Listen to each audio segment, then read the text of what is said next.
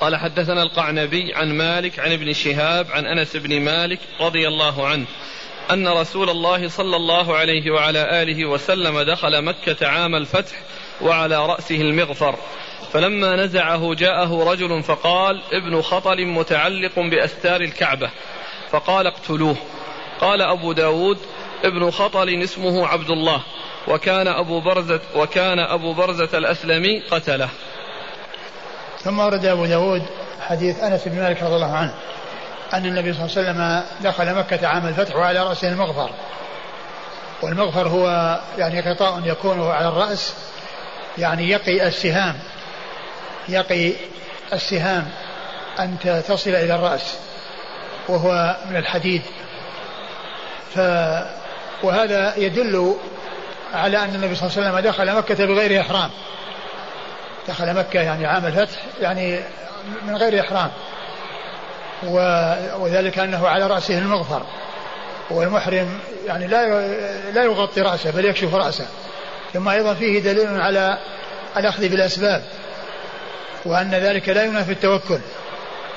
لأن النبي صلى الله, صلى الله عليه وسلم سيد المتوكلين وقد أخذ بالسبب الذي يمنع وصول السهام إليه صلى الله عليه وسلم. فالأخذ بالأسباب لا ينافي التوكل. آه، فلما فلما إيش؟ فلما نزعه فلما نزعه يعني انتهى و يعني آه، فتح مكة عنوة وقيل له ابن خطل متعلق بأستار الكعبة. وكان ممن أهدر دمه النبي صلى الله عليه وسلم أهدر دمه. ولكن كونه يعني إلى على هذا الوصف وعلى هذه الهيئة ويكون متعلق بأستار الكعبة. يعني معناه أنه قرب من الكعبة والتصق بها وتعلق بأستارها يعني يريد الأمان فقال نفسه اقتلوه. يعني ولو كان متعلقا بأستار الكعبة. وفي الحديث دليل على كسوة الكعبة. وأنها تكسى. وأن هذا كان مما كان في الجاهلية. وأقرها الإسلام. لأن قوله متعلق بأستار الكعبة يعني بكسوتها. فهو يدل على كسوة الكعبة. نعم. طيب وكسوة الحجرة؟ إيش؟ كسوة الحجرة. لا يجوز أن تكسى الحجرة وإنما الكسوة لما جاء به النص وهو الكعبة. جاء بها النص وأما الحجرة فلم يأتي شيء يدل على ذلك فكسوتها غير سائرة. قال حدثنا القعنبي. القعنبي عبد الله بن مسلمة بن قعنب. ثقة أخرجه أصحاب الكتب الستة إلا ابن ماجه. عن مالك. عن مالك بن أنس إمام دار الهجرة المحدث الفقيه الإمام المشهور أحد أصحاب المذاهب الأربعة المشهورة من مذاهب أهل السنة وحديثه أخرجه أصحاب الكتب الستة. المقصود بالحجرة يعني حجرة النبي صلى الله عليه وسلم. المقصود يعني بالحجرة التي هي السؤال لأن السؤال يعني غير محدد. فالمراد به الحجرة التي قبر فيها رسول الله صلى الله عليه وسلم لا يجوز أن تكسى. نعم. عن ابن شهاب.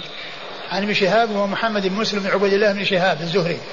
ثقة أخرج له أصحاب كتب الستة. عن أنس عن أنس بن مالك رضي الله عنه خادم رسول الله صلى الله عليه وسلم وأحد السبعة المعروفين بكثرة الحديث عن النبي صلى الله عليه وسلم. وهذا الإسناد من الرباعيات التي هي أعلى الأسانيد عند أبي داود رحمه الله. يقول أخونا هل في هذا دليل على جواز التعلق بأستار الكعبة؟ لا ما في دليل لأن هذا طالب الأمان وكون الناس يجون يتعلقون ويقولون أن أن أن ابن خطل متعلق بأستار الكعبة هذا ليس بحجة. أقول تعلق ابن خطل وهو طالب الأمان يعني معناه من شدة يعني رغبته في الأمان أنه لصق بالكعبة وتعلق بأستارها.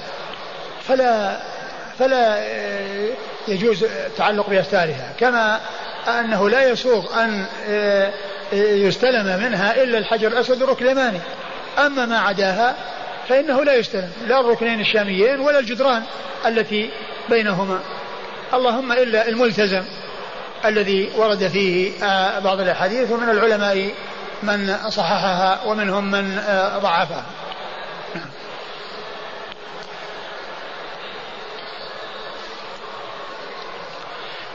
قال رحمه الله تعالى باب في قتل الأسير صبرا.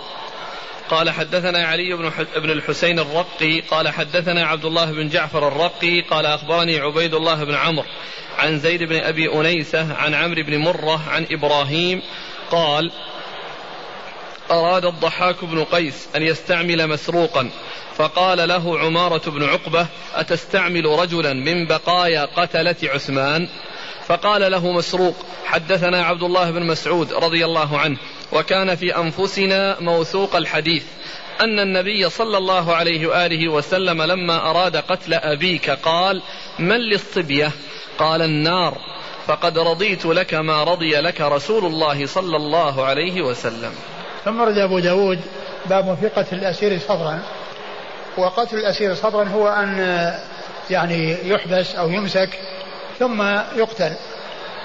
فالقتل صبرا يكون بحبس آه، يعني من كان حيا ومسكه حتى يقتل سواء كان إنسان أو حيوان. سواء كان إنسان أو حيوان. وكذلك يعني حبس البهائم حتى تموت أيضا هو من القتل صبرا. آه، أورد أبو داود حديث آه، عبد الله بن مسعود رضي الله تعالى عنه. وذلك في قصة آه، من هو؟ ضحاك بن قيس أراد أن يستعمل مسروق. لا الحديث ذاك اللي قال قال المسروق. من للصبية لا من هو الشخص؟ عقبة. عقبة بن أن النبي صلى الله عليه وسلم لما أراد قتل أبيك عقبة بن أبي معيط. نعم. ألو... ال... ولده عمارة نعم. بن عقبة. نعم عمارة عمارة بن عقبة. عمارة بن عقبة بن أبي معيط. لأن إيش اول الحديث؟ أراد ضحاك بن قيس أن يستعمل مسروقا فقال له عمارة بن عقبة.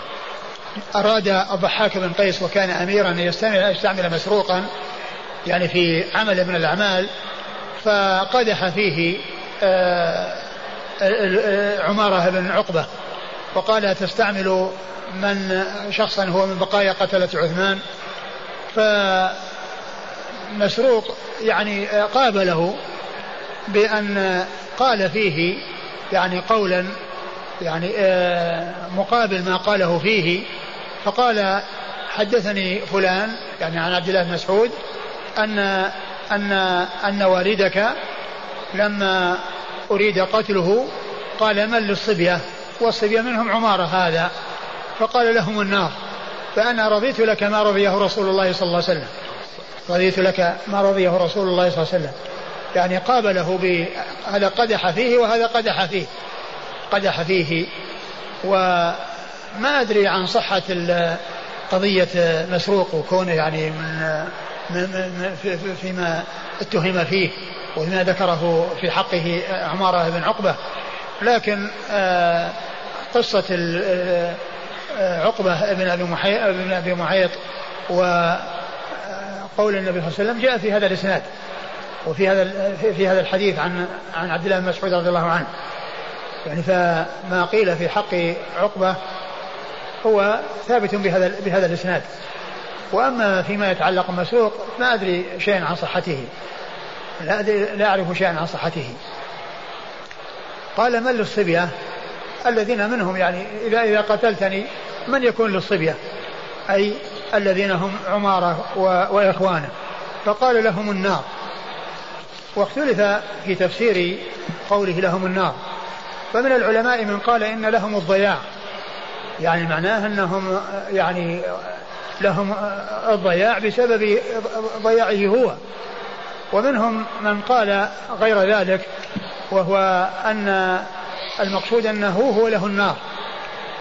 أنه هو له النار ويعني آه، آه، وأشار إلى أن آه، إلى أن الصبية هو المقصود والمقصود هو. وقالوا أن هذا من أسلوب الحكيم يعني حيث سأل عن شيء ولكنه قيل لهم النار والمقصود هو. ومعلوم أن أبناء المشركين وأبناء الكفار حكمهم كما قال النبي صلى الله عليه وسلم الله أعلم بما كانوا عاملين. يعني إذا ماتوا وهم صغار وهم صغار فإنهم يمتحنون يوم القيامة. والله أعلم بما كانوا عاملين. لكن من آه، كبر منهم وأسلم و فيختلف حكمه. ولكن آه، يعني هذا مع كونه مسلما يعني قابله مسروق بأن قال فيه ما قال. ولكن الأمر محتمل أن يكون المقصود هو آه، أبوه أبوهم وليس الذين أسلموا من أولاده. نعم. قال حدثنا علي بن الحسين الرقي. علي بن الحسين الرقي هو صدوق خرجه أبو داود. صدوق خرجه أبو داود. عن عبد الله بن جعفر الرقي. عن عبد الله بن جعفر الرقي وهو ثقة أخرجه أصحاب الكتب. ثقة أخرجه أصحاب الكتب الستة. عن عبيد الله بن عمرو. عن عبيد الله بن عمرو الرقي وهو ثقة ربما وهم أخرجه أصحاب الكتب ثقة ربما وهم أخرجه أصحاب الكتب الستة عن زيد بن عن زيد بن أبي أنيس وهو ثقة أخرجه أصحاب الكتب الستة عن عمرو بن مرة عن عمرو بن مرة الهمداني ثقة أخرجه أصحاب الكتب الستة عن إبراهيم عن إبراهيم بن يزيد بن قيس النخعي ثقة أخرجه أصحاب الكتب الستة. عن مسروق. عن مسروق بن الأجدع وهو ثقة أخرجه أصحاب الكتب الستة. عن عبد الله. عن عبد الله بن مسعود رضي الله تعالى عنه صاحب رسول الله صلى الله عليه وسلم وحديثه أخرجه أصحاب الكتب الستة.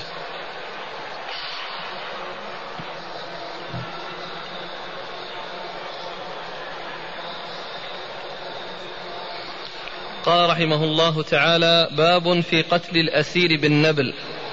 قال حدثنا سعيد بن منصور قال حدثنا عبد الله بن وهب قال أخبرني عمرو بن الحارث عن بكير بن عبد الله بن الأشج عن ابن تعلي قال غزونا مع عبد الرحمن بن خالد بن الوليد فأتي بأربعة أعلاج من العدو فأمر بهم فقتلوا صبرا. قال أبو داود قال لنا غير سعيد عن ابن وهب. في هذا الحديث قال بالنبل صبرا. فبلغ ذلك أبا أيوب الأنصاري رضي الله عنه فقال سمعت رسول الله صلى الله عليه وآله وسلم ينهى عن قتل الصبر. فوالذي نفسي بيده لو كانت دجاجة ما صبرتها. فبلغ ذلك عبد الرحمن بن خالد بن الوليد فأعتق أربع رقاب. ثم أورد أبو داود حديث باب في قتل الأسير بالنبل. باب في قتل الأسير بالنبل. باب في قتل الأسير بالنبل يعني آه، حكمه وهو أنه يقتل بالنبل ويقتل بأي وسيلة يعني آه، تكون آه، يحصل بها القتل بالنبل أو السيف أو غير ذلك. أورد أبو داود حديث أبي, أبي أيوب. حديث أبي أيوب الأنصاري رضي الله تعالى عنه أن النبي صلى الله عليه وسلم قال إيش أول اسناد أول حديث يقول ابن تعلي غزونا مع عبد الرحمن بن خالد بن الوليد فأتي بأربعة أعلاج من العدو فأمر بهم فقتلوا صبرا. فأتي قال غزونا مع عبد الرحمن بن خالد بن الوليد فأتي بأربعة أعلاج من العدو والأعلاج قيل هم الكفار يعني من العجم يعني من غير العرب وقيل يعني غير ذلك فأمر بقتلهم صبرا يعني كونهم يعني يعني يمسكون ويعني آه، كما سبق مرة في الباب الذي قبل هذا وأنهم يقتلون يعني مسك الحي حتى يقتل مسكه حتى يقتل. نعم. وفي قال أبو داود قال لنا غير سعيد عن ابن وهب في هذا الحديث قال بالنبل صبرا. وهذا محل الشاهد أن في بعض الروايات قال بالنبل صبرا. يعني كون القتل صار بالنبل. نعم. فبلغ ذلك أبا أيوب الأنصاري رضي الله عنه فقال سمعت رسول الله صلى الله عليه وآله وسلم ينهى عن قتل الصبر. فقال أبو, أبو, أيوب رضي الله عنه لما بلغه سمعت رسول الله ينهى عن قتل الصبر. ينهى عن قتل الصبر يعني قتل صبرا. وقد آه، سبق أن مر في الترجمة السابقة يعني ذكر القتل بالصبر و وأن يعني أن ذلك سائق. ولعل هذا يعني كان الذي عند أبي عند أبي أيوب أنه كان من قبل أو أنه يعني ليس يعني القتل الذي يكون في إيذاء القتل الذي يكون في إيذاء المقتول. ومعلوم أن هذا إذا لم يكن عن طريق المقابلة والقصاص. أما إذا كان قتله بالطريقة التي قتل بها فإن ذلك سائق وقد جاءت به السنة. عن رسول الله صلى الله عليه وسلم. كما عرفنا في ماضى أن التمثيل لا يجوز ولكن من مثل يجوز أن يمثل به. نعم. قال أبو أيوب رضي الله عنه فوالذي نفسي بيده لو كانت دجاجة ما صبرتها. ما لو كانت دجاجة ما صبرتها يعني أنها كونها تمسك ثم ترمى وإنما تقتل يعني آه قتلا يعني آه آه يعني بالسكين أو بأي شيء يعني يسبقها في الحال. قد يكون المقصود أنه يعني ما يكون في تعذيب لها وأنها تعذب بالقتل. نعم. فبلغ ذلك عبد الرحمن بن خالد بن الوليد فأعتق أربع رقاب. فأعتق أربع رقاب يعني عن تلك الذين قتلهم صبرا. قال حدثنا سعيد بن منصور. سعيد بن منصور ثقة أخرجه أصحاب كتب الستة. عن عبد الله بن وهب. عن عبد الله بن وهب المصري ثقة أخرجه أصحاب كتب الستة. عن عمرو بن الحارث. عن عمرو بن الحارث المصري أيضا ثقة أخرجه أصحاب كتب الستة. عن بكير بن عبد الله بن الأشج. بكير بن عبد الله بن الأشج ثقة أخرجه أصحاب كتب الستة. عن ابن تعلي. عن ابن تعلي وهو صدوق. عبيد بن تعلي الطائي صدوق أخرجه أبو داود. وهو عبيد بن تعلي الطائي صدوق أخرجه أبو داود. عن عن أبي أيوب. عن أبي أيوب وهو خالد بن زيد رضي الله تعالى عنه وحديثه أخرجه أصحاب كتب الستة. الفرق أو يعني قول أبي أيوب ما يحمل على غير الصبر الأول. الصبر الأول عقبة بن معيط حبس يعني مسك ثم قتل.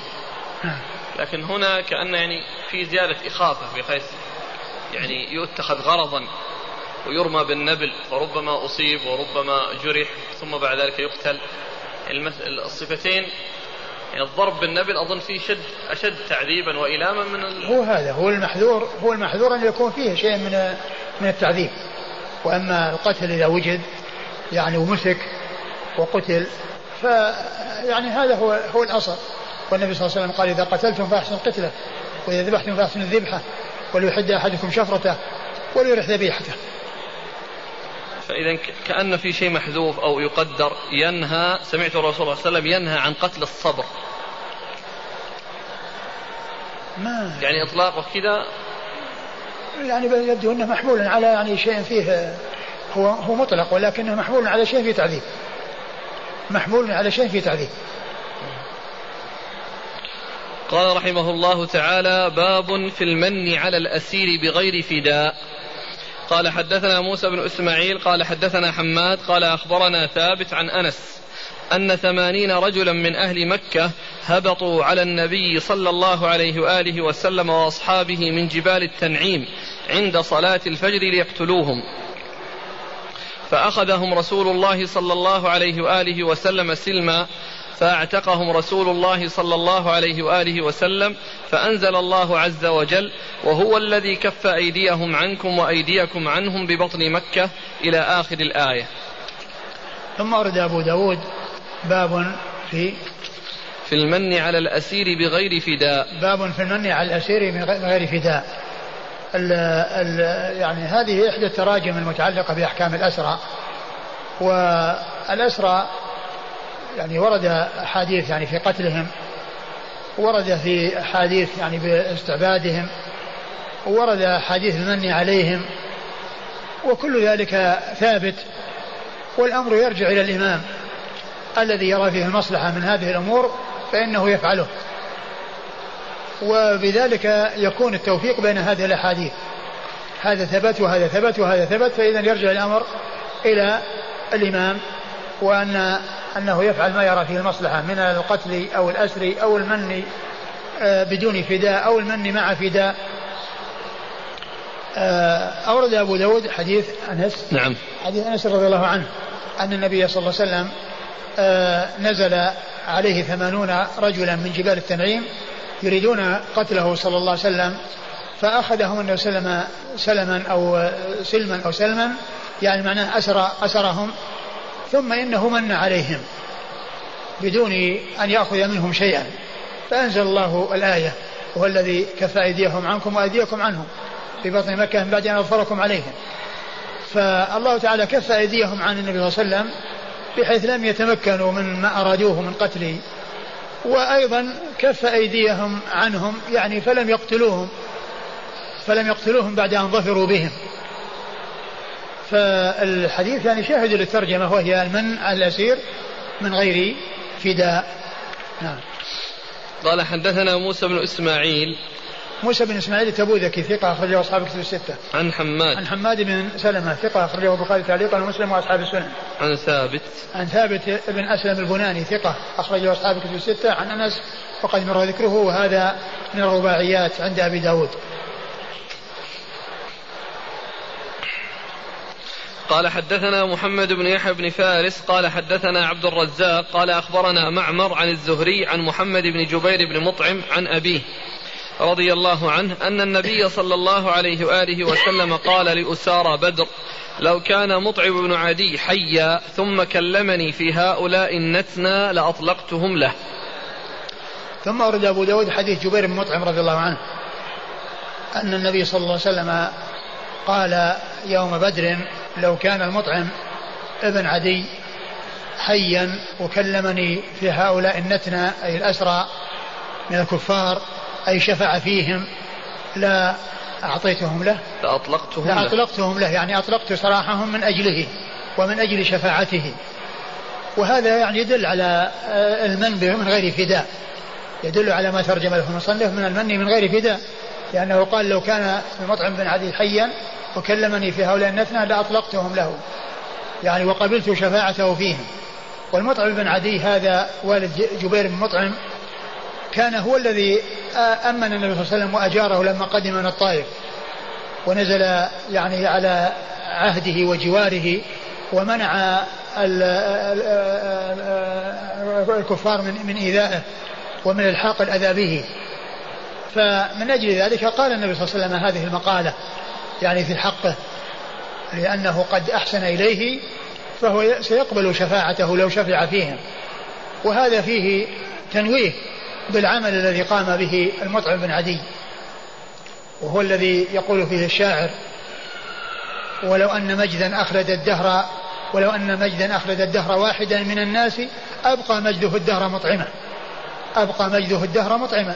لو كان أحد يبقى بسبب المجد وبسبب آه، آه، العمل المجيد الذي حصل منه لبقي المطعم أو مطعم بن عدي الذي أمن الرسول صلى الله عليه وسلم وحماه من الكفار عند قدومه من الطائف صلى الله عليه وسلم. ولو أن مجدا أخرج الدهر واحدا من الناس أبقى مجده الدهر مطعما. يذكره النحويون في شواهد النحو في عود الضمير على متأخر. يعني كونه لم يسبق للضمير مرجع وإنما عاد إلى متأخر. والأصل أن الضمير يرجع إلى متقدم. وهنا الضمير جاء ومرجعه متأخر. أبقى مجده الدهر مطعما. أبقى مجده الدهر مطعما. يعني أبقى مجد مطعم مطعما. فجاء الضمير متقدما على مرجعه بخلاف الأصل وهو أن الضمير يعود إلى متقدم وهنا عاد إلى متأخر.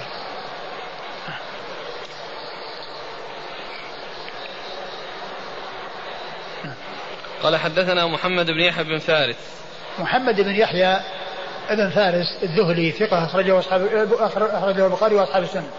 عن عبد الرزاق عبد الرزاق بن همام الصنعاني اليماني ثقة أخرج له أصحاب الكتب الستة. عن معمر معمر بن راشد الأزدي البصري ثم اليماني ثقة أخرج له أصحاب الكتب الستة. عن الزهري عن محمد بن جبير بن مطعم. عن الزهري وقد مر ذكره محمد بن جبير بن مطعم وهو ثقة أخرج أصحاب الكتب. ثقة أخرج أصحاب الكتب الستة وأبوه جبير بن مطعم رضي الله تعالى عنه حديثه أخرجه أصحاب الكتب الستة. وهذا هو الذي كان من أسباب إسلامه أن أن أنه سمع النبي صلى الله عليه وسلم يقرأ بالطور قال فكاد قلبي أن يطير. فكاد قلبي أن يطير عندما جاء عند قول الله عز وجل أم خلقوا من شيء أم خالقون؟ أم خلقوا السماوات والأرض بل لا يوقنون؟ فقال كاد قلبي أن يطير. فأدخل الله عليه الإسلام. ودخل في الإسلام رضي الله تعالى عنه وأرضاه. وكان من أسباب دخوله سماعه القرآن. نعم. لو استخدامها هنا يسأل الإخوان مع ما جاء في النهي. هذا يعني ما هو آه، آه، إتيان يعني في شيء فيه اعتراض على قدر وإنما هذا يقول لو أنه حصل كذا وكذا لكان كذا وكذا. يعني أن هذا الشخص لو كان حيا ثم آه، يعني كلمني يعني في هؤلاء النتنى لقبلت شفاعته لأن ما في شيء يتعلق بالإعتراض على القدر أو ما إلى ذلك. يقول لو أني فعلت لكان كذا وكذا لو أني فعلت لكان كذا وكذا لو كانوا عندنا ما ماتوا وما قتلوا. هذا هو الذي في الاعتراض على القدر. وأما هذا إخبار منه بأنه لو كان حيا ثم كلمني في هؤلاء النتنى لا أعطيتهم له يعني وقبلت شفاعته فيهم مثله أو نعم. استقبلته هذا تمني هذا يسمونه التمني تمني لو استقبلت من أمري ما استدبرت لو كان الذي آه، سبق مني كله أمامي لما حرمت لجعلتها عمرة لما سقت الهدي ولا جعلتها عمرة وهذا مو تمني وإنما إخبار عن أنه أمر لو كان قد حصل لكان كذا وكذا. قال رحمه الله تعالى باب في فداء الأسير بالمال. قال حدثنا أحمد بن محمد بن حنبل قال حدثنا أبو نوح. قال أخبرنا عكرمة بن عمار قال حدثنا سماك الحنفي قال حدثني ابن عباس رضي الله عنهما قال حدثني عمر بن الخطاب. رضي الله عنه قال لما كان يوم بدر فأخذ يعني النبي صلى الله عليه وآله وسلم الفداء أنزل الله عز وجل ما كان لنبي أن يكون له أسرى إلى قوله لمسكم فيما أخذتم من الفداء ثم أحل لهم الله الغنائم قال أبو داود سمعت أحمد بن حنبل يسأل عن اسم أبي نوح فقال إيش تصنع باسمه؟ اسمه شنيع قال أبو داود اسم أبي نوح قراد والصحيح عبد الرحمن بن غزوان. ثم أورد أبو داود باب في الأسير. فداء الأسير بالمال. فداء باب في فداء الأسير بالمال. أي أن آه، من الأحكام المتعلقة بالأسير يعني يقتل أو آه، يؤسر ويستعبد أو يمن عليه بدون فداء أو يمن عليه بمال. يعني في مقابل مال يطلق سراحة في في مقابل فدية أو مفادات بينه وبين يعني غيره بأن يكون أسير من المسلمين عند عند الكفار فيطلق في مقابله أسير من الكفار عند المسلمين. هذا عن طريق المفادات. والمفادات تكون بالمال وبغير المال. تكون بالمقابلة وتكون بالمال. وهنا الترجمة في المفادات بالمال. وأنه يدفع مقدارا من المال فيطلق سراحه ويخلى سبيله في مقابل المال الذي دفعه. وقد عرفنا أن الأمر يرجع في ذلك إلى الإمام وما يرى فيه المصلحة. فله أن يقتل وله أن يأسر ويستعبد وله أن يمن بفداء وله أن يمن بغير بغير فداء. والفداء إما أن يكون بالمال أو بالمفادات. يعني شخص مقابل شخص إطلاق شخص مقابل إطلاق شخص. أو ب... نعم. بمنفعة. على كل يعني هي المفادات تكون بشيء فيه مصلحة وفيه فائدة للمسلمين. إيش الحديث؟ لما كان حديث عمر. إيه؟ حديث عمر بن الخطاب رضي الله تعالى عنه ان أنه لما كان عام بدر واخذ أخذ الفداء نعم. أن لما كان يوم بدر فأخذ يعني النبي صلى الله عليه وسلم الفداء أنزل الله عز وجل. أنه لما كان يوم بدر وأخذ النبي صلى الله عليه وسلم الفداء أنزل الله عز وجل ما كان النبي أن يكون له أسرى حتى يثقن في الأرض. وكان هذا يعني خلاف ما أشار به عمر رضي الله عنه. على رسول الله صلى الله عليه وسلم.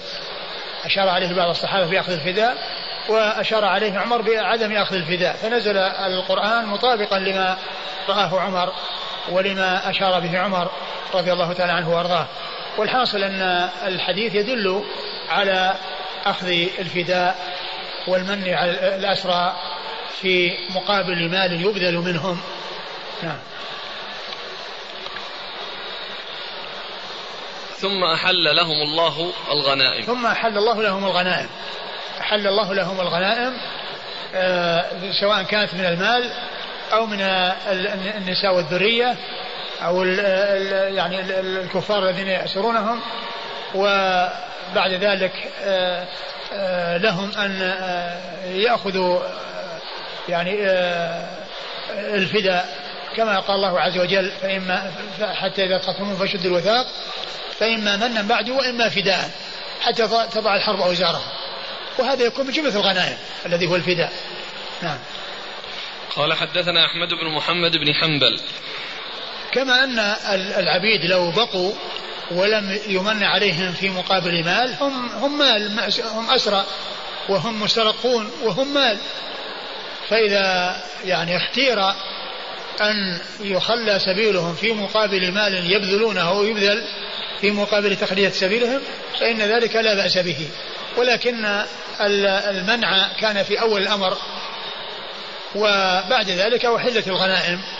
والله عز وجل قال حتى إذا أدخلتموهم فشدوا الوثاق فإما منا بعد وإما فداء. قال حدثنا أحمد بن محمد بن حنبل. أحمد بن محمد بن حنبل الشيباني الإمام الفقيه المحدث أحد أصحاب المذاهب الأربعة. المشهورة في مذاهب أهل السنة وحديثها أخرجها أصحاب الكتب الستة. عن أبي نوح. عن أبي نوح وهو عبد الرحمن بن غزوان ولقبه قراد وهو ثقة أخرج البخاري وأبو داود والترمذي والنسائي. ثقة أخرج أبو داود البخاري. البخاري وأبو داود والترمذي والنسائي. عن عكرمة بن عمار. عن عكرمة بن عمار وهو صدوق يغلط. يغلط أخرج حديثه. البخاري تعليقا ومسلم وأصحاب السنة. البخاري تعليقا ومسلم وأصحاب السنة. عن سماك الحنفي. عن سماك الحنفي سماك بن الوليد. نعم. الحنفي وهو صدوق. ليس به بأس. وهو ليس به بأس وبمعنى صدوق. أخرج له البخاري في الأدب المفرد ومسلم وأصحاب السنة البخاري في الأدب المفرد ومسلم وأصحاب السنن. عن ابن عباس. عن ابن عباس عبد الله بن عباس بن عبد المطلب ابن عم النبي صلى الله عليه وسلم وأحد العباد الأربعة من الصحابة وأحد السبعة المعروفين بكثرة الحديث عن النبي صلى الله عليه وسلم. عن عمر بن الخطاب رضي الله تعالى عنه أمير المؤمنين وثاني الخلفاء الراشدين الهادين المهديين صاحب المناقب الجمة والفضائل الكثيرة رضي الله عنه وأرضاه. وحديثه عند أصحاب الكتب الستة. قال أبو داود سمعت أحمد بن حنبل يسأل عن اسم أبي نوح. فقال إيش تصنع باسمه؟ اسمه شنيع. آه قال قال من؟ أبو داود قال أبو داود سمعت أحمد بن أحمد حنبل. حنبل يسأل عن اسم أبي نوح. فقيل إيش تصنع باسمه؟ إيه يعني إيش حاجتك باسمه؟ اسمه شنيع. ليس معنى شنيع هو اسمه. وإنما موصوف بأنه شنيع. اسمه. اسمه موصوف بأنه شنيع. ليس المقصود بشنيع أنه اسم وإنما هو وصف لاسمه. والمقصود بذلك اللقب الذي هو قراد.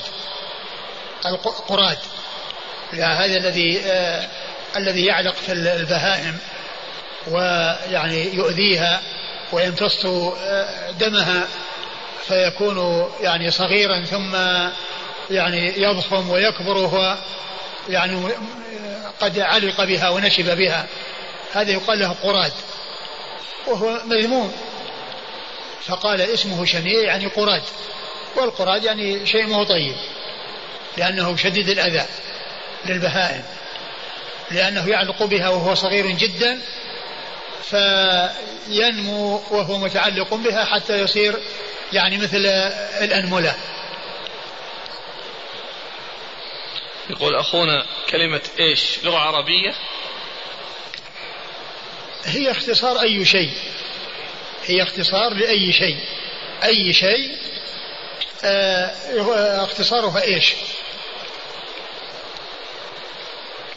قال حدثنا عبد الرحمن بن المبارك العيشي. قال حدثنا سفيان بن حبيب. قال حدثنا شعبة عن أبي العنبس عن أبي الشعثاء عن ابن عباس رضي الله عنهما أن النبي صلى الله عليه وآله وسلم جعل فداء أهل الجاهلية يوم بدر أربعمائة.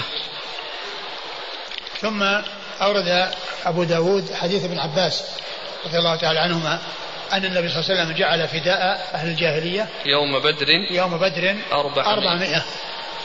آه يعني يعني معناه أن أن أن أن فيه المفادات بالمال وأن الفداء إنما هو أربعمائة يعني الشخص الواحد. والألباني يعني صحح الحديث ولكنه ضعفه بالتحديد وبالتقدير والثابت هو فاداهم بمال. أنه فاداهم بمال فضعفه من أجل التقدير وإلا فإن المال يعني قد ثبت يعني من أوجه مختلفة أنهم يفادون بمال ولكن التضعيف من أجل التحديد فقط. نعم.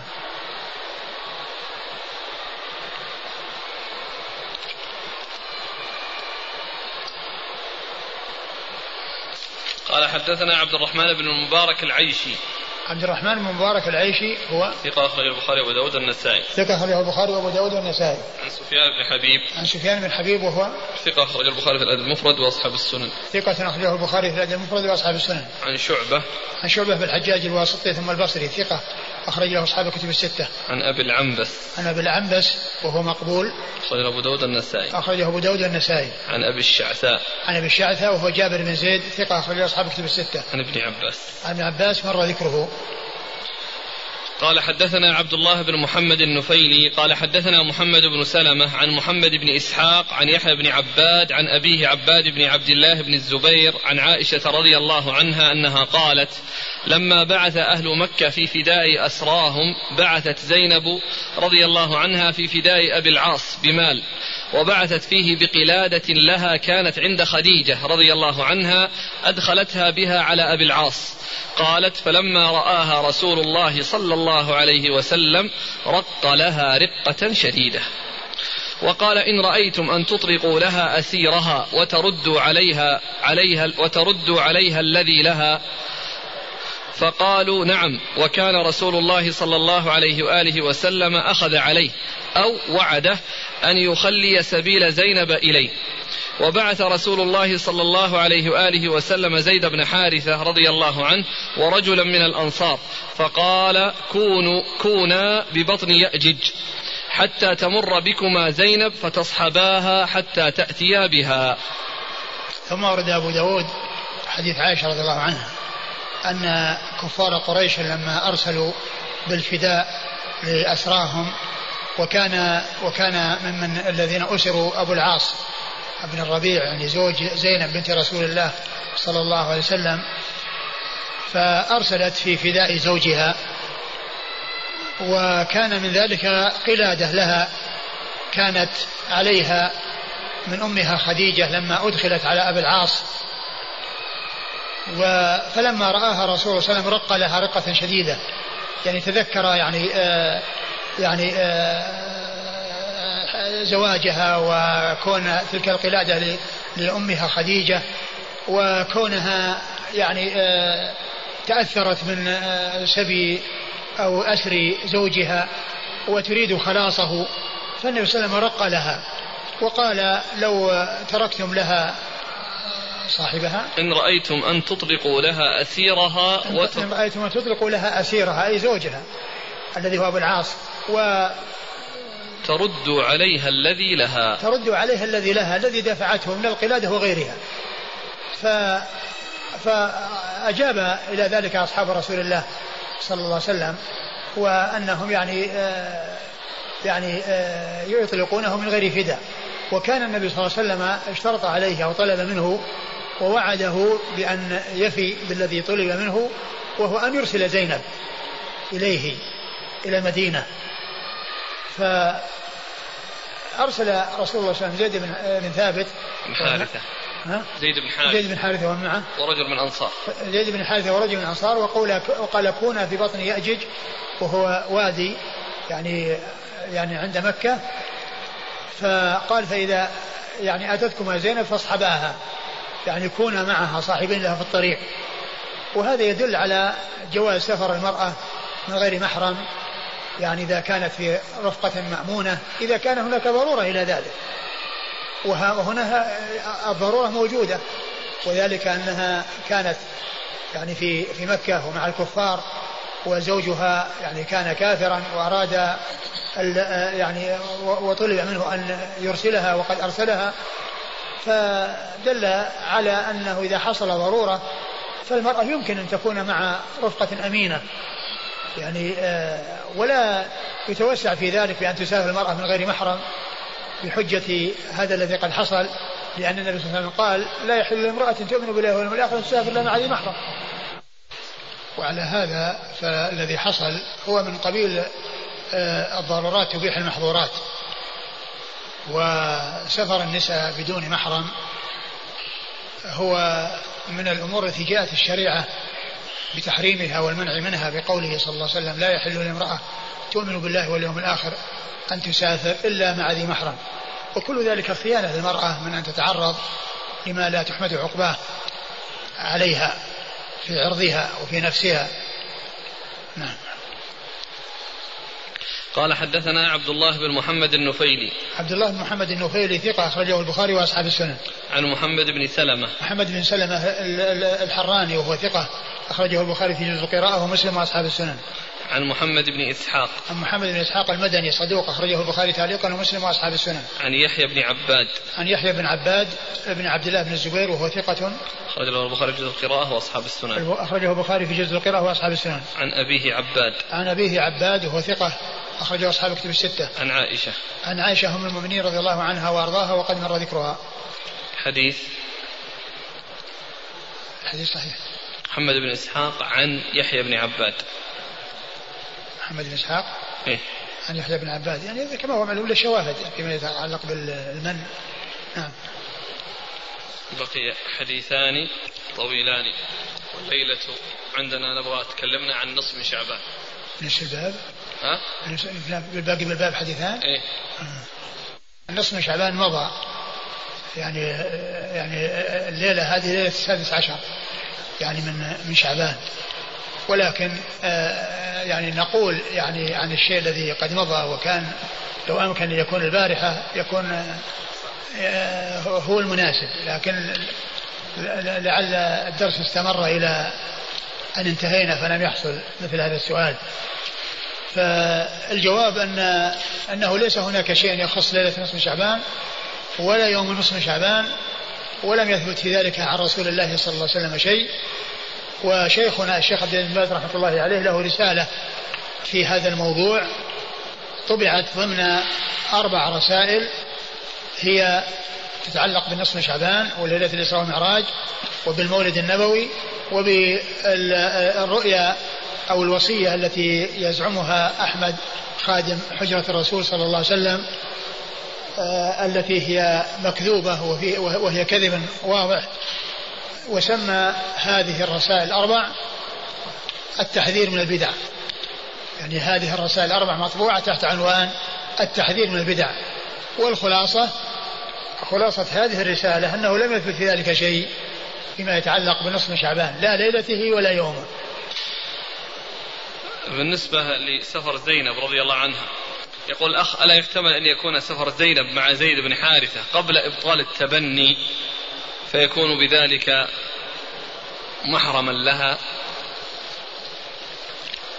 أه، ما أدري يعني عن قضية ال ال يعني ال أن هذا يعني كان أنه من أجل أنه التبني وأنه محرم لها لأن المحرمية كما هو معلوم إنما هي بالأنساب وليست بالتبني. و وإذا كان آه، هذا فالأمر محتمل أيضا أقول الاحتمال قائم. ولكن الضرورة هنا كما هو معلوم آه، تبيح المحظورات. المرأة إذا إذا كانت آه، مضطرة إلى سفر بدون محرم أو مع رفقة مأمونة وهو اضطرار يعني كان تكون يعني مثلا بين الكفار وتنفلت منهم. فمثل هذا لا بأس به يدخل تحت قاعدة الضرورات بين المحظورات. ولكن الأصل باق على ما هو عليه وأن المرأة لا تسافر إلا مع ذي محرم. بالنسبة بالنسبة ليلة النصف من شعبان في عادات شعبية هل لها دخل في قضية البدعة؟ لا يعني شك لا شك ما تتخصص ما تخصص بعادات لا فيما يتعلق بالكبار ولا فيما يتعلق بالصغار. يعني السنن يؤخذ بها والبدع تحذر سواء كانت من صغار أو كبار. الصغار يؤدبون ويعني ينشأون على اتباع السنن.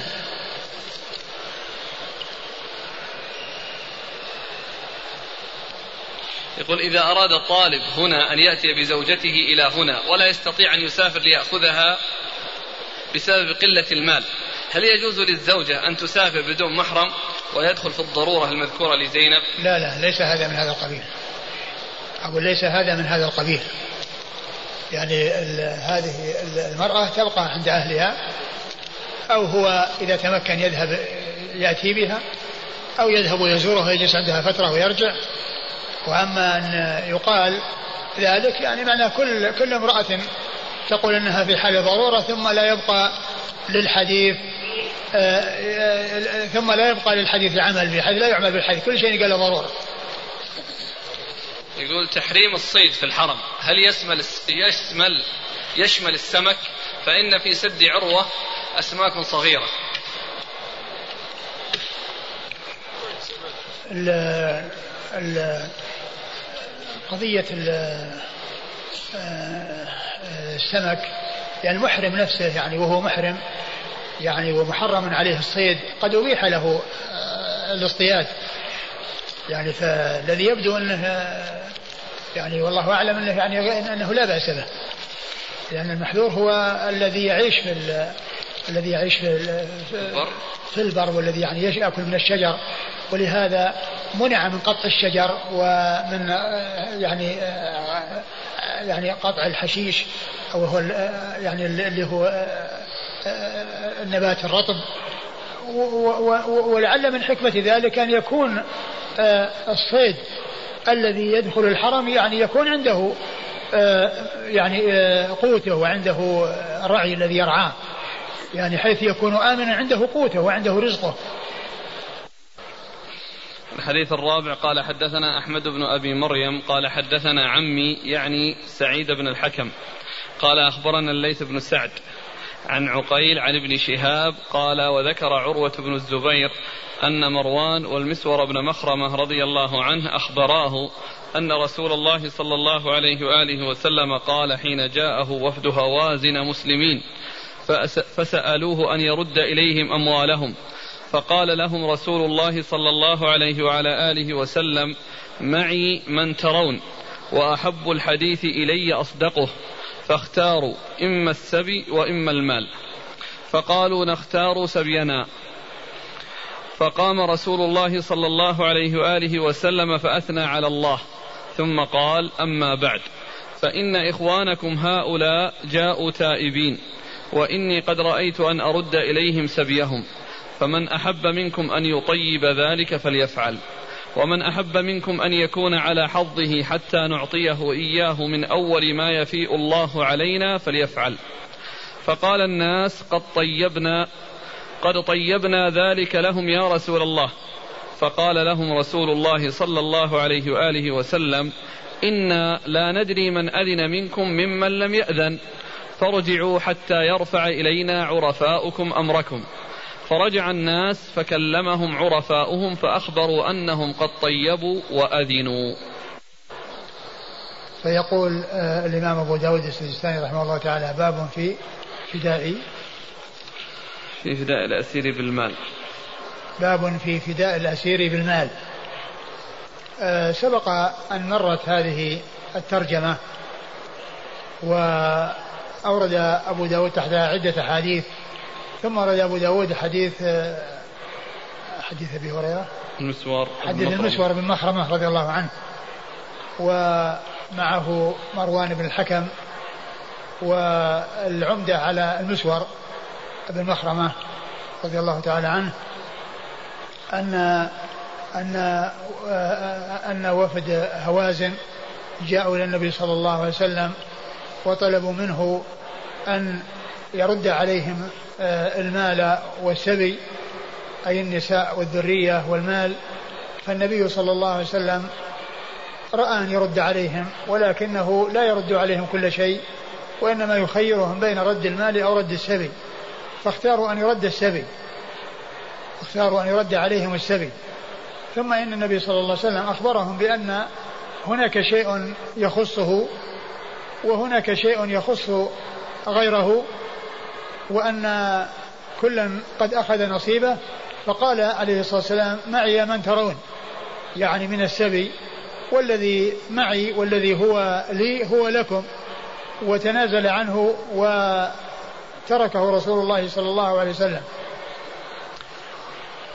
وأما الذين عند الذي عند غير النبي صلى الله عليه وسلم فقد قام في الناس وذكرهم وتكلم فيهم وقال إن إخوانكم جاءوا تائبين وإن وإني رأيت أن أرد عليهم سبيهم. فمن أراد منكم أن يطيب أن تسمح نفسه ويتنازل بدون مقابل فليفعل. ومن لم تسمح نفسه بذلك وأراد أن يبقي على حقه ولا يتنازل عن حقه فنحن سنعوضه عنه في أول ما يفيء الله علينا. يعني معناه أن السبي سيرد عليهم لكن من سمحت نفسه انتهى أمره. ومن كان متمسكا بحقه فإنه يؤخذ منه السبي ويرد ولكنه يعوض عنه من أول ما يفيء من أول ما يحصل لنا من الفيء يعني بعد ذلك. فظهرت الأصوات طيبنا طيبنا يا رسول الله. والرسول صلى الله عليه وسلم لا يدري من طيب ومن لم يطيب لأن الأصوات ظهرت من هنا وهنا طيبنا طيبنا فلا يعرف من طيب ومن لم يطيب. فقال عليه الصلاة والسلام إننا لا نعرف من طيب ومن لم يطيب ولكن ارجعوا حتى يرفع إلينا أمركم عرفاؤكم. يعني الرؤساء والمرجع لكل جماعة ينفردون بجماعتهم كل رئيس ينفرد بالجماعة اللي يرأسهم ثم يأخذ آه، رأيهم في ذلك ويعرف من سمح ومن لم يسمح. من وافق ومن لم يوافق. فبعد ذلك جاء العرفاء بعد أن اجتمعوا بمرؤوسيهم وأخبروهم بأنهم طيبوا وأنهم يعني قد يعني وافقوا وأنهم قد وافقوا يعني أنهم سمحوا وتنازلوا عن حقهم لما أراده رسول الله صلى الله عليه وسلم منهم. أعد ذكر عروة بن الزبير أن مروان والمسور بن مخرمة أخبراه أن رسول الله صلى الله عليه وآله وسلم قال حين جاءه وفد هوازن مسلمين فسألوه أن يرد إليهم أموالهم. فقال لهم رسول الله صلى الله عليه وآله وسلم معي من ترون وأحب الحديث إلي أصدقه فاختاروا إما السبي وإما المال. يعني معي من ترون يعني الذي آه يخصني والذي هو يعني نصيبي من السبي هو يعني آه، هو هو لكم. يعني أنه آه، متنازل عنه ولكن الذي عند غيره آه، أراد أن يستأذن الناس فاستأذنهم وكانت النتيجة أن أذنوا فرد إليهم سبيهم صلى الله عليه وسلم. قال وأحب الحديث إلي أصدقه. يعني كون الإنسان يقول ويصدق ويعد ويفي فأنا أقول لكم وأصدق فيما أقول وأعدكم وأفي فيما أعد به. نعم. فقالوا نختار سبينا.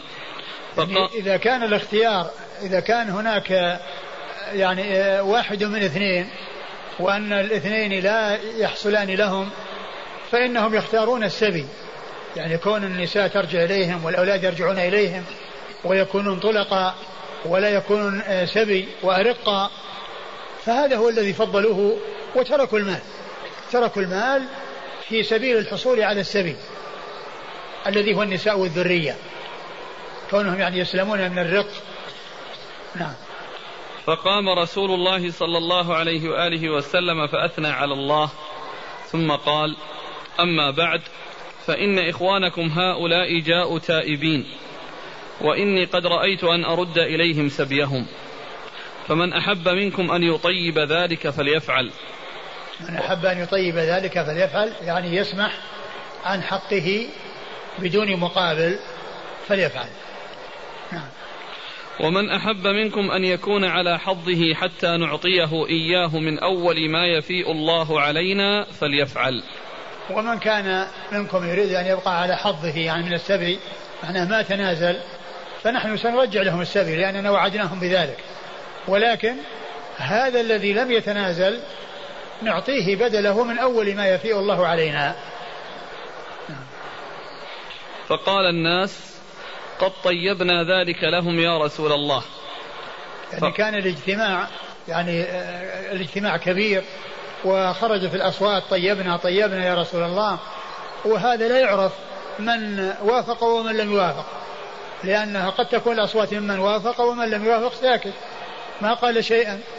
فالرسول صلى الله عليه وسلم أراد أن يقف على الحقيقة بالنسبة لكل فرد. قال إن لا نعرف من طيب ومن لم يطيب. ولكن ارجعوا حتى يرفع إلينا أمركم عرفاؤكم. وهذا فيه دليل على اتخاذ العرفاء والرؤساء على أفراد الجيش. وأفراد بحيث يعني كل جماعة يكونون لهم مرجع يرجعون إليه. ثم هؤلاء المراجع يكونون مرجعهم الأمير أو, أو, أو, أو أمير الجيش. يكون المرجع للجميع ولكن الذي الواسطة بينه وبين سائر الناس هؤلاء الرؤساء الذين هم العرفاء والذين يعرفون من تحتهم ومن تحت آه، رئاستهم فيأتون بأخبارهم ويبلغونهم الأمور التي يحتاجون إلى تبليغها هؤلاء يقال, يقال لهم العرفاء. نعم. فقال لهم رسول الله صلى الله عليه وآله وسلم إنا لا ندري من أذن منكم ممن لم يأذن فارجعوا حتى يرفع إلينا عرفاؤكم أمركم. فرجع الناس فكلمهم عرفاؤهم فأخبروا أنهم قد طيبوا وأذنوا. يعني معناها أن كلهم كلهم قد وافقوا. وتبين أن الجميع قد وافقوا على ما أراده منهم رسول الله صلى الله عليه وسلم وأنهم قد سمحوا يعني بدون مقابل وأنهم سمحوا بدون مقابل. نعم. قال حدثنا أحمد بن أبي مريم. حدثنا أحمد آه ابن أبي مريم وهو أحمد بن سعد ابن أبي مريم وهو صدوق أخرج له. أبو داود النسائي. أبو داود النسائي. عن عمه سعيد ابن أبي مريم سعيد بن الحكم ابن أبي مريم وهو ثقة أخرج له أصحاب الكتب. نعم. أخرج له أصحاب الكتب الستة. عن الليث بن سعد. عن الليث بن سعد ثقة فقيه أخرجه أصحاب الكتب الستة. عن عقيل. عن عقيل بن أبي خالد. عقيل. عقيل بن عقيل بن عقيل بن ابن خالد بن عقيل. عقيل بن خالد بن عقيل المصري وهو ثقة أخرجه أصحاب الكتب الستة. عن ابن شهاب. عن ابن شهاب محمد بن مسلم بن عبيد الله بن شهاب ثقة. أخرجه أصحاب الكتب الستة. قال وذكر عروة بن الزبير أن مروان. عن عروة ابن الزبير ابن العوام وهو ثقة فقيه أخرج له أصحاب الكتب الستة. ومروان هو ابن الحكم وهو الخليفة وقال عنه الإمام أحمد أو قال لا يتهم في الحديث أو قال الحافظ لا تثبت له صحبة. نعم لا ليس لا تثبت له صحبة. فيكون آه، الحديث من قبيل من قبيل المرسل. ولكن آه، معه المسور بن مخرمة وهو صحابي فيكون متصلا بسبب من أجل المسور بن مخرمة. ومروان بن الحكم أخرجه البخاري وأصحاب السنة. قال عروة بن الزبير مروان لا يتهم في الحديث. قال عروة بن الزبير يعني هو الذي يروي عنه. هنا لا يتهم في الحديث. وكما هو معلوم العبدة ليست عليه وإنما هي على آه، المسور بن مخرمة رضي الله تعالى عنه. فهو الصحابي الذي آه، يروي ذلك. وأما رواية مروان فهي من قبيل المرسل لأنه ليس بصحابي. والمسور بن مخرمة رضي الله تعالى عنهما صحابي أخرج حديثه أصحاب الكتب الستة.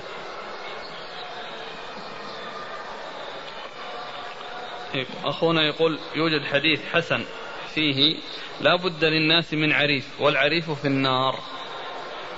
فما معناه؟ ما أدري يعني قضية كونها كونها آه، الحديث يعني صحيح. من يعني أين يوجد الحديث هذا؟ من خرجه؟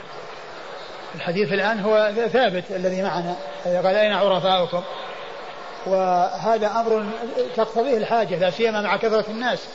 مع كثرة الناس لا بد من مراجع يرجعون إليهم.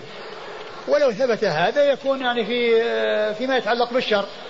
أما ما يتعلق بالخير فإنه قد جاء في هذا الحديث لو ثبت هذا الذي يذكر. يعني آه، عريف يكون يعني في شر وليس في خير.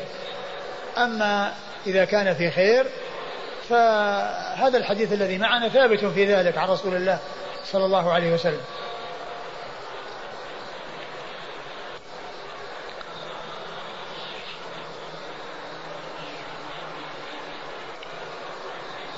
وال والترجمة وهي ترجمة المصنف وهي الفداء الأسير بالمال يعني محل الشاهد أن الرسول صلى الله عليه وسلم يعني لما أراد أن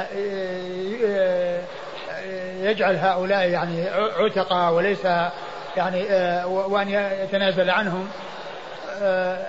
كونه قال من لم يطيب فإننا نعوضه مما أفاء الله علينا ومن أول ما يفيء الله علينا. هذا محل الشاهد الترجمة. قال كوننا نعوضه. يعني معناه أن هذا يراد أن آه، يخلص من من رقه وذلك أو من أثره وذلك بأن يبذل لمن آه، هو يعني في حوزته ومن هو من نصيبه مال يكون في مقابل الفداء. نعم.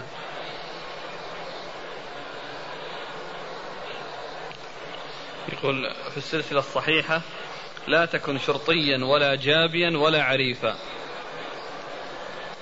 يمكن المقصود بهذا إنه يعني فيما يتعلق بالشر فيما يتعلق في أمر لا يسوغ. وأما في أمر سائغ فالحديث الذي معنا يدل على ذلك. قال حتى ير ير ير حتى يخبرنا عرفاؤكم أو حتى حتى يبلغنا عرفاؤكم بامركم بأمركم. يعني الحديث الذي معنا يعني في ذكر عرف هذا فيما إذا كان يعني آه، في غير حق أو يعني في ظلم أو في يعني أمر غير سائغ. أما إذا كان في أمر سائغ فالحديث الذي معنا يدل عليه.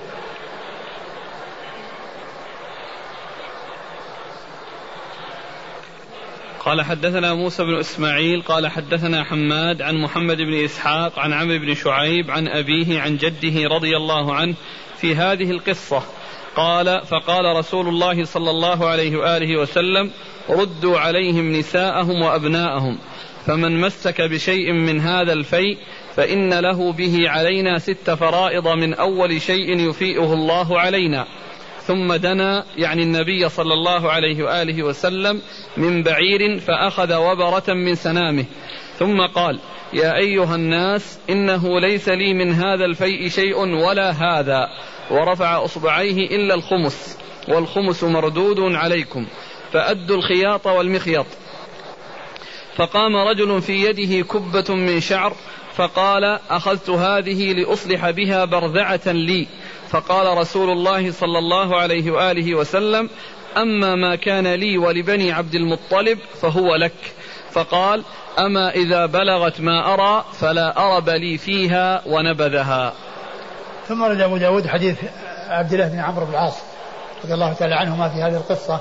يعني في قصة وفد هوازن ورغبه آه، النبي صلى الله عليه وسلم في أن يرد إليهم سبيهم وأن قال من مسك يعني من تمسك بحقه ولم يعني يطيب ولم يسمح بطيب نفس منه فإن يعني نعوضه بست فرائض.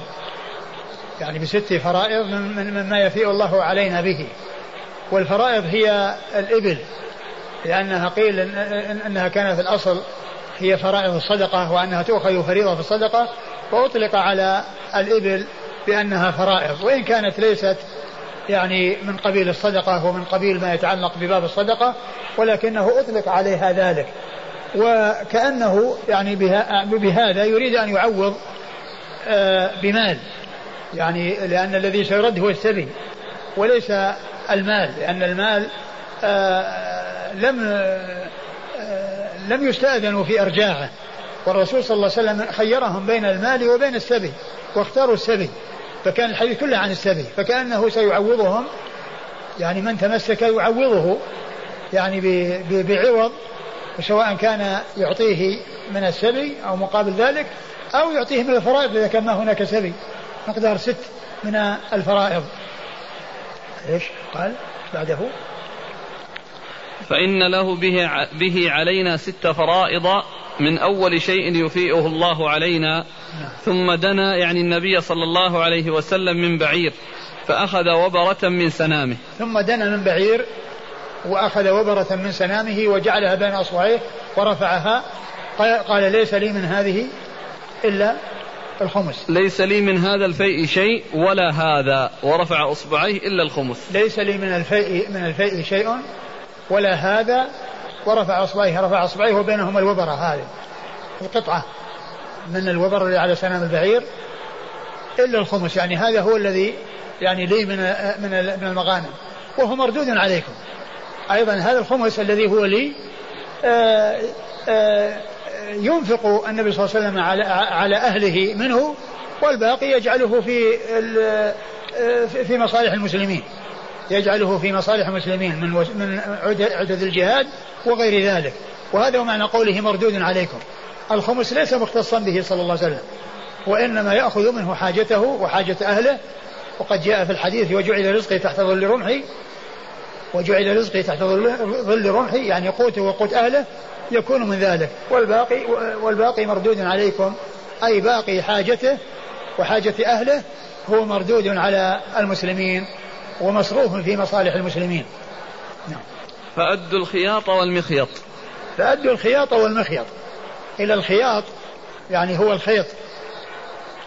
و والمخيط هو الإبرة. يعني من أدوا كل شيء. سواء ولو قل ولو كان شيئا قليلا. ولا يأخذ الإنسان شيئا لا يستحقه لأن النبي صلى الله عليه وسلم أخبر بأن هذه الوبرة لا يعني ليس له منها إلا الخمس ولا يستحق إلا الخمس فأنتم أدوا الخياط والمخيط لأن هذه كلها من الغنائم وكلها من الفيء وهي تقسم على من آه، شرع أن تقسم عليهم. فأدوا الخياط والمخيط و فقام رجل في يده كبة من شعر فقال أخذت هذه لأصلح بها برذعة لي. فقال صلى الله عليه وسلم أما ما كان لي ولبني عبد المطلب فهو لك. فقال أما إذا بلغت ما أرى فلا أرب لي فيها ونبذها. ثم قام رجل وأخذ كبة من من من شعر. من شعر ويعني أخذها من من الغنيمة وقال إنه أراد أن يصلح بها برذعته والبرذعة هي التي تجعل تحت تحت الرحل. يعني لأن الرحل يكون من الخشب. وهذه تكون يعني لينة تكون بين جلد البعير وبين الخشب الذي هو الرحل الذي يكون عليه الراكب. فيعني يعني يلامس جلد البعير هذا الشيء اللين ثم يكون الخشب فوقه الذي هو الرحل لأن الرحل مكون من من خشب ومن شيء لين تحت الخشب هو الذي يلامس جلد البعير. فهو يريد أن يصلح هذه البرذعة التي التي هي تحت الرحل. ف فقال النبي صلى الله عليه وسلم ما كان لي ولبني عبد المطلب فهو لك. مسامح حقه من منها.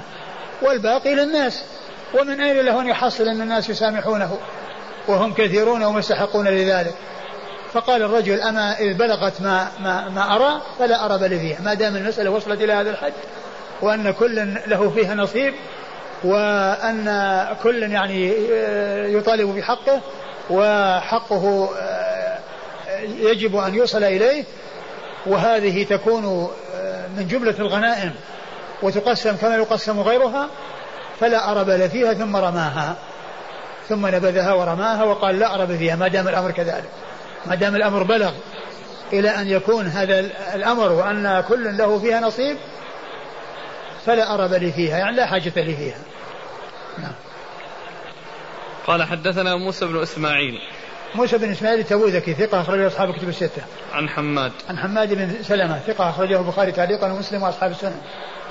عن محمد بن إسحاق. محمد بن إسحاق المدني وهو صدوق أخرجه البخاري تعليقا ومسلم وأصحاب السنة عن عمرو بن شعيب. عن عمرو بن شعيب وهو صدوق أخرجه البخاري في جزء القراءة وأصحاب السنة عن أبيه. عن أبيه شعيب بن محمد بن عبد الله بن عمرو وهو صدوق أخرج له البخاري في جزء القراءة والخلق والأدب المفرد وأصحاب السنن.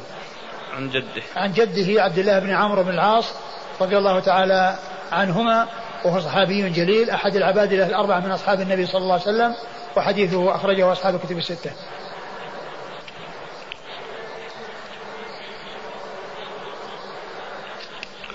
قال رحمه الله تعالى باب في الإمام يقيم عند الظهور على العدو بعرصتهم.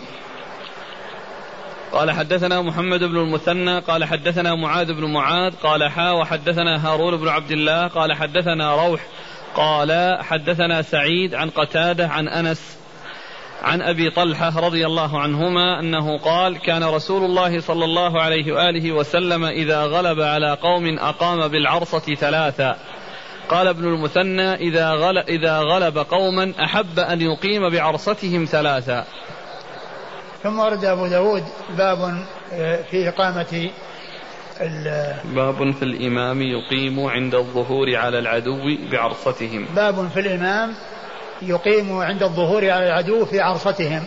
يعني الجيش ومعه الإمام ومعه الجيش. الإمام ومعه الجيش الذي انتصر على آه، أعدائهم فإنه عند ظهوره عليهم يبقى وينزل في عرصتهم والعرصة هي الأماكن الواسعة التي ليس فيها بنيان التي هي حول البنيان. وهي الأفنية التي حول البنيان الأماكن المتسعة الخالية من البنيان هذه هي العرصة. فكان آه، فكان عليه الصلاة والسلام يعني آه، إذا إذا غلب على قوم أو انتصر عليهم آه، بقي في عرصتهم ثلاثا. وجلوسه ثلاثة أيام في العرصة من أجل أن أن يستريح الجيش. وأن يحصل لهم شيء من الراحة. يعني لا يكون هناك قتال ثم بعد ذلك مواصلة للسير وإنما يبقون يرتاحون ويستجمون. يعني في مدة ثلاث أيام مدة ثلاثة أيام يحصل فيها الارتياح بعد ذلك القتال الذي قد حصل. نعم. آه، حديث أورد أبو داود حديث سهل أبو طلحة وهو زيد بن سهل رضي الله عنه أن النبي صلى الله عليه وسلم كان إذا انتصر على قوم أو ظهر على قوم آه، بقي في عرصتهم ثلاثا أو قال أحد الرواة أحد شيوخ أبي داود آه، أحب أن يبقى في عرصتهم ثلاثا. نعم. قال حدثنا محمد بن المثنى محمد المثنى العنزي ثقة أخرجه أصحاب كتب الستة وهو شيخ لأصحاب كتب الستة. عن معاذ بن معاذ. عن معاذ بن معاذ العنبري وهو ثقة أخرجه أصحاب كتب الستة. قال حاء وحدثنا هارون بن عبد الله. ثم قال حاء وهي للتحول من إسناد إلى إسناد. حدثنا هارون بن عبد الله وهو الحمال البغدادي. لقبه الحمال ونسبته إلى بغداد وهو ثقة أخرج له مسلم وأصحاب السنن. عن روح عن روح بن عبادة وهو ثقة أخرجه أصحاب كتب الستة. عن سعيد عن سعيد آه، ابن أبي عروبه ابن أبي عروبة وهو ثقة اخرج أصحاب الكتب الستة. عن قتادة عن قتادة من دعامه السدوسي البصري ثقة أخرجه أصحاب الكتب الستة. عن أنس. عن أنس بن مالك رضي الله عنه خادم رسول الله صلى الله عليه وسلم وأحد السبعة المعروفين بكثرة الحديث عن النبي صلى الله عليه وسلم. عن أبي طلحة. عن أبي طلحة وهو زيد بن سهل رضي الله تعالى عنه وهو زوج ام أنس بن مالك أم سليم وحديثه أخرجه أصحاب الكتب الستة.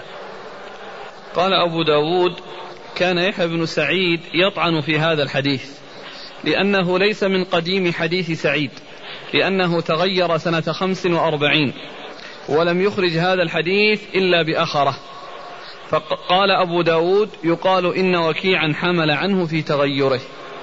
ثم ورد كلاما أو ذكر, ذكر أبو داود كلاما وهو يوجد في بعض النسخ وهو أن كأن يحيى بن سعيد القطان كان يطعن في هذا الحديث ويقول سعيد بن أبي عروبة بن أبي عروبة تغير بأخره وأن وكيعا ممن روى عنه يعني في في آخر أمره ولكن الحديث صحيح وثابت وقد رواه البخاري ومسلم أيضا ولا بس البخاري؟ الحاشية الحاشية.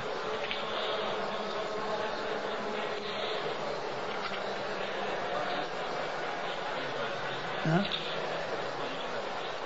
كيف؟ بس البخاري؟ بس المنذري. المنذري الظاهر قال شيء. المنذري يقول المنذري. يقول البخاري ومسلم. على كل حديث صحيح.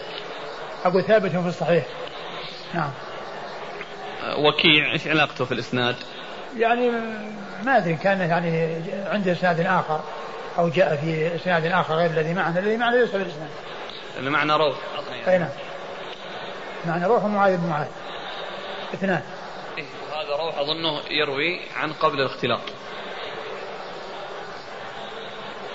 على كل هو بالنسبة لوكيع ليس من من الرواة وما دام الحديث في البخاري فالذي في الصحيح آه، هو هو من قبيل الصحيح. نعم. سعيد بن أبي عروبة اختلط 142 أو 145 ورجحه العراقي في النكت على ابن الصلاح ورواية روح عنه لهذا الحديث عند البخاري 3065 ثم ذكر متابعة معاذ والحديث من حيث الجملة عند مسلم 2875 من رواية روح كذلك. ففي تعليل يحيى القطان له نظر. وأما رواية وكيع عنه فلا يضرها ذلك لقول وكيع لما اعترضه ابن معين قائلا تحدث عن سعيد بن أبي عروبة وإنما سمعت منه في الاختلاط فقال له وكيع رأيتني حدثت عنه إلا بحديث مستو حكاه ابن الصلاح في النوع الثاني والستين. انتهى؟ نعم. هذا الكلام؟ على كل هو الحديث صحيح يعني ولا يؤثر كلام يحيى القطان في هذا. نعم. قال رحمه الله تعالى باب في التفريق بين السبي. قال حدثنا عثمان بن أبي شيبة قال حدثنا إسحاق بن منصور قال حدثنا عبد السلام بن حرب عن يزيد بن عبد الرحمن عن الحكم عن ميمون بن أبي شبيب عن علي رضي الله عنه أنه فرق بين جارية وولدها فنهاه النبي صلى الله عليه وآله وسلم عن ذلك ورد البيع. قال أبو داود ميمون لم يدرك ميمون لم يدرك عليا. قتل بالجماجم والجماجم سنة ثلاث وثمانين. قال أبو داود والحرة سنة ثلاث وستين وقتل ابن الزبير سنة ثلاث وسبعين. ثم ورد أبو داود باب في التفريق بين السبي. باب في التفريق بين السبي. باب في التفريق بين السبي. التفريق بين السبي يعني فيما إذا كانوا متقاربين وقرابات إذا كانوا كبارا فيفرق بينهم ولا بأس بذلك. وأما إذا كان يعني صغير وكبير بأن تكون يعني امرأة وابن ابن لها صغير أو أخت ولها أخ صغير هو بحاجة إليها وبحضانتها ورعايتها لكونه يعني من في الصغر يحتاج إلى رعاية فإنه لا يفرق بين لا يفرق بين بين هذا بين بين من هذه حاله وإنما التفريق يجوز فيما إذا كانوا كبارا. إذا كانوا كبارا يجوز التفريق بينهم. وعلى هذا فالتفريق بين السبي فيه تفصيل كما أن التفريق بالبيع أيضا فيه تفصيل. فإذا كان السبي كبارا أو الذين يباعون كبارا أو المملوكين كبارا فإنه يفرق بينهم في البيع. ويفرق بينهم بالسبب بأن يعطى هذا لواحد وهذا لواحد بأن يكون كل واحد في جهة. وأما إذا كان أحدهما كبير وهو آه، يرعى الصغير والصغير بحاجة إليه وإلى حضانته وإلى رعايته ولا يقوم بنفسه فإنه لا يفرق بينهم وإنما يكونون مع بعض. لا بالنسبة للسبي ولا بالنسبة للبيع. وأورد أبو داود حديث علي نعم. حديث علي بن أبي طالب رضي الله عنه أنه فرق بين امرأة وولدها. بين جارية. نعم. بين جارية وولدها. نعم. فنهاه النبي صلى الله عليه وسلم عن ذلك ورد البيع. أنه فرق بين جارية وولدها أي في البيع. بان باع هذه على حده وهذه على حده فنهاه الرسول صلى الله عليه وسلم ورد البيع. بمعنى أنه لا بد من بقائهما مع بعض لأن الصغير بحاجة إلى الكبير. والابن بحاجة إلى أمه. أما إذا كان ليس بحاجة الأمة بأن يكون هو كبير وأمه كبيرة وكل منهم يعني بنفسه فلا مانع من التفريق بينهم. نعم. قال حدثنا عثمان بن أبي شيبة. عثمان بن أبي شيبة ثقة أخرجه أصحاب الكتب الستة إلا الترمذي وإلا النسائي فقد أخرج له في عمل اليوم والليلة عن إسحاق بن منصور. عن إسحاق بن منصور وهو السلولي وهو صدوق أصحاب صدوق أخرجه أصحاب الكتب الستة. عن عبد السلام بن حرب. عن عبد السلام بن حرب. عبد السلام بن حرب وهو ثقة أخرجه أصحاب الكتب الستة. عن يزيد بن عبد الرحمن. عن يزيد بن عبد الرحمن وهو صدوق يخطئ كثيرا أخرجه أصحاب السنن. صدوق يخطئ كثيرا أخرجه أصحاب السنن. عن الحكم. عن الحكم بن عتيبة الكندي ثقة أخرجه أصحاب الكتب الستة. عن ميمون بن أبي شبيب. عن ميمون بن أبي شبيب وهو, وهو ثقة صدوق كثير الإرسال. وهو صدوق كثير الإرسال أخرج له أصحاب الكتب الستة. ميمون بن أبي شبيب. أخرج له البخاري في الأدب المفرد ومسلم في المقدمة. البخاري في الأدب المفرد ومسلم في المقدمة وأصحاب السنن عن علي. عن علي بن أبي طالب رضي الله عنه أمير المؤمنين ورابع الخلفاء الراشدين الهادي المهديين صاحب المناقب الجمة والفضائل الكثيرة. والحديث يعني فيه انقطاع بين ميمون بن أبي شبيب وعلي ولكن له شواهد وهو صحيح لشواهده. نعم. قال أبو داود ميمون لم يدرك عليا. قتل بالجماجم والجماجم سنة ثلاث وثمانين. قال آه، ميمون لم يدرك عليا. قتل بالجماجم والجماجم سنة ثلاث وثمانين. ثم ذكر بعد ذلك بمناسبة ذكر آه، الجماجم وقتل يعني ميمون بن آه، ابن ابن شبيب في الجماجم ذكر الحرة. وقتل الزبير وأن الحرة 63 وأن قتل الزبير رضي الله عنه سنة 73 وكأن المسألة يعني بالمناسبة. يعني وإلا فإنه لا علاقة لذكر الحرة وذكر قتل ابن الزبير في الحديث.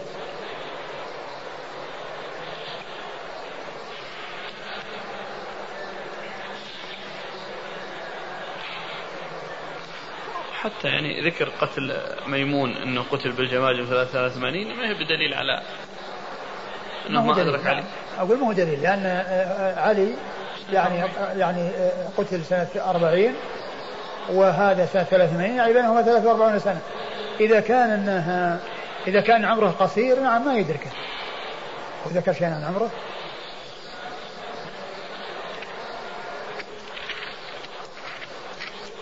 فكانه يعني معناه ان عمره قصير.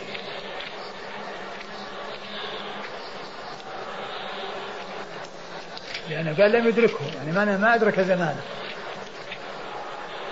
ومعنى هذا أن عمره يكون قصيرا. قال مات قبل المئة سنة ثلاث وثمانين في وقعة الجماجم. وما له عمره كذا؟ لا. على كل كونه قال لم يدركه يعني معناه أنه ما أدرك يعني زمانه. ومعنى هذا أنه يكون عمره قصير. مناسبة التفريق. ما صحة حديث من فرق بين والدة وولدها فرق الله بينه وبين أحبته يوم القيامة؟ ما أذكر لكنه هو من الشواهد التي ذكروها ذكر في عون المعبود. ما أدري من خرجه يعني هل هو خرجه الذي هو الحاكم أو غير الحاكم؟ هو ذكر في عون المعبود ومن نعم. خرجه الحاكم؟ نعم. نعم يعني هو, هو هذا من من الشواهد. حديث كذا أحبته فرق بينه وبين أحبته.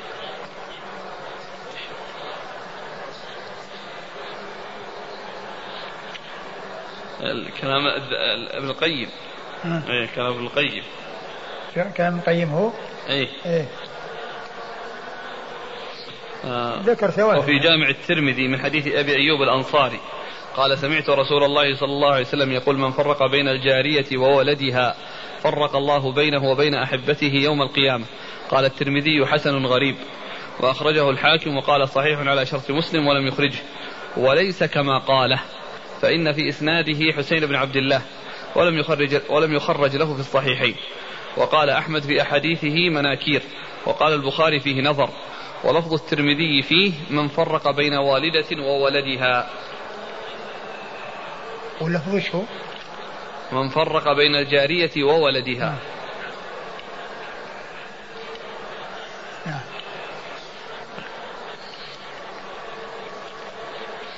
قال رحمه الله تعالى باب باب الرخصة في المدركين يفرق بينهم. قال حدثنا هارون بن عبد الله قال حدثنا هاشم بن القاسم قال حدثنا عكرمة قال حدثني إياس بن سلمة قال حدثني أبي رضي الله عنه أنه قال خرجنا مع أبي بكر رضي الله عنه وأمره علينا رسول الله صلى الله عليه وآله وسلم فغزونا فزاره.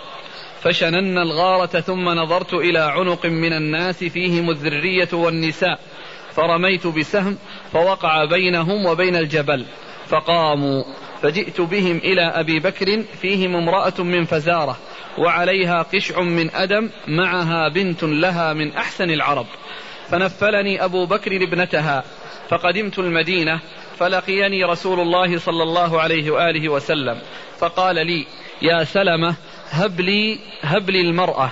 فقلت والله لقد أعجبتني وما كشفت لها ثوبا. فسكت حتى إذا كان من الغد. لقيني رسول الله صلى الله عليه وآله وسلم في السوق. فقال يا سلمة هب لي المرأة لله أبوك. فقلت يا رسول الله والله ما كشفت لها ثوبا وهي لك. فبعث بها إلى أهل مكة وفي أيديهم أسرى ففاداهم بتلك المرأة. ثم ورد أبو داود باب الرخصة في المدركين يفرق بينهم. في المدركين يفرق بينهم يعني البالغين. باب الرخصة في البالغين يفرق بينهم يعني بين القريب وقريبه. وقد أورد أبو داود حديث سلمة بن الأكوع رضي الله عنه أنه قال خرجنا في غزو يعني غزاة مع أبي بكر وأبو بكر أميرهم وأنهم غزوا فزارة وأنه جاء إلى جماعة عنق من الناس وهم جماعة من الناس فرمى بسهمه فوقع بينه وبين الجبل فقاموا فأتى بهم. فنفله أبو بكر يعني وكان فيهم امرأة ولها جارية من أحسن العرب لها ابنة من أحسن العرب ومن أجملهم فنفله إياها يعني أعطاها إياه.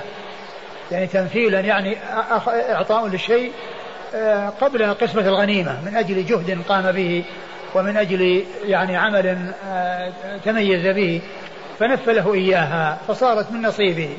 فلما بلغ المدينة جاء إلى المدينة قال النبي صلى الله عليه وسلم آه، هب لي هذه الجارية. فقال إنني أنها أعجبتني وإنني ما كشفت لها سترا يعني أنه ما جامعها ولا حصل منه استمتاع بها. ثم بعد ذلك لقيه وقال هب لي إياها لله أبوك. يعني معناه رغبة شديدة فيها. وكان ذلك من رسول الله صلى الله عليه وسلم يريد أن يفادي بها أسرى كانوا عند الكفار.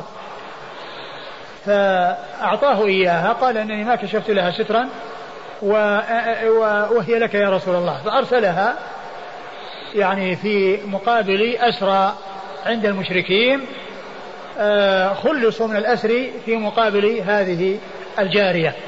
ومحل الشاهد من الترجمة هو أن أنه فرق بين المرأة وبين ابنتها لأنهم لأنهما مدركتان لأنهما كبيرتان. ومعنى هذا أن أن التفريق يكون في البالغين وفي الكبار وأما بين الكبير والصغير فإنه لا يفرق بينهم كما مر في الترجمة السابقة.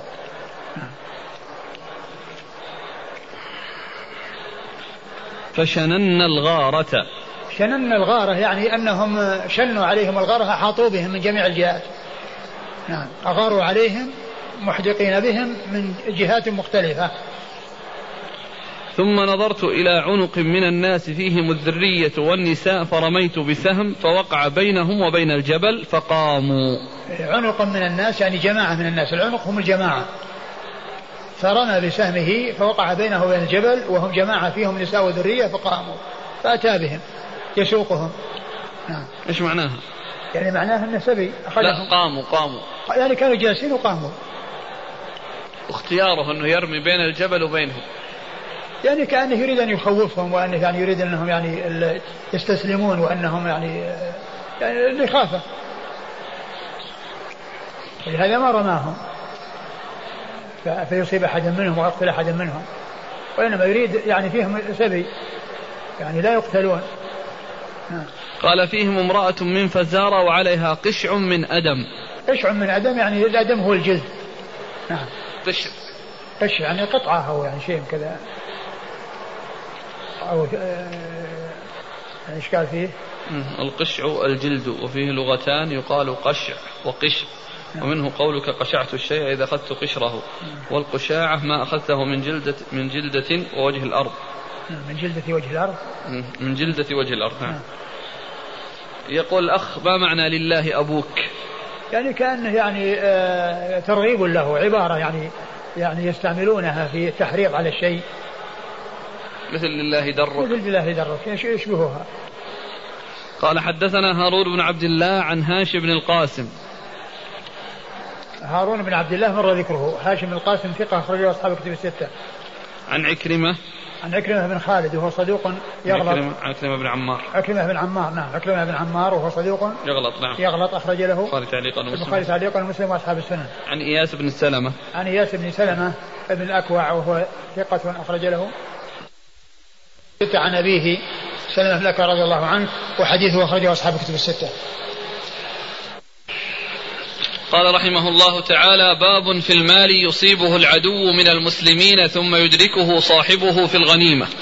قال حدثنا صالح بن سهيل قال حدثنا يحيى يعني بن, أب يعني بن أبي زائدة عن عبيد الله عن نافع عن ابن عمر رضي الله عنهما أن غلاما لابن عمر أبق إلى العدو فظهر عليه المسلمون فرده رسول الله صلى الله عليه وآله وسلم إلى ابن عمر ولم يقسم. ثم ورد أبو داود هذه الترجمة باب في المال يصيبه المشركون. يصيبه العدو من المسلمين ثم يدركه صاحبه في الغنيمة. باب في المال آه، يصيبه.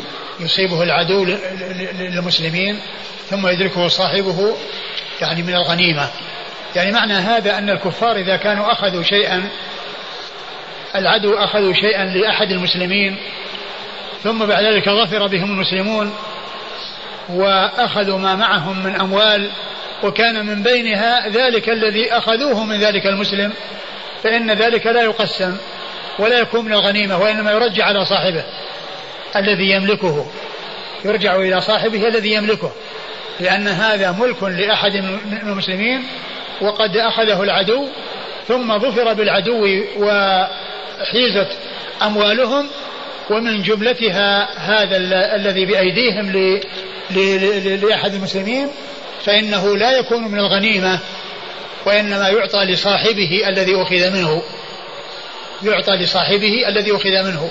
وقد أورد أبو داود حديث ابن عمر رضي الله تعالى عنهما أنه كان له عبد أبق إلى المشركين وأنهم لما ظفروا بهم آه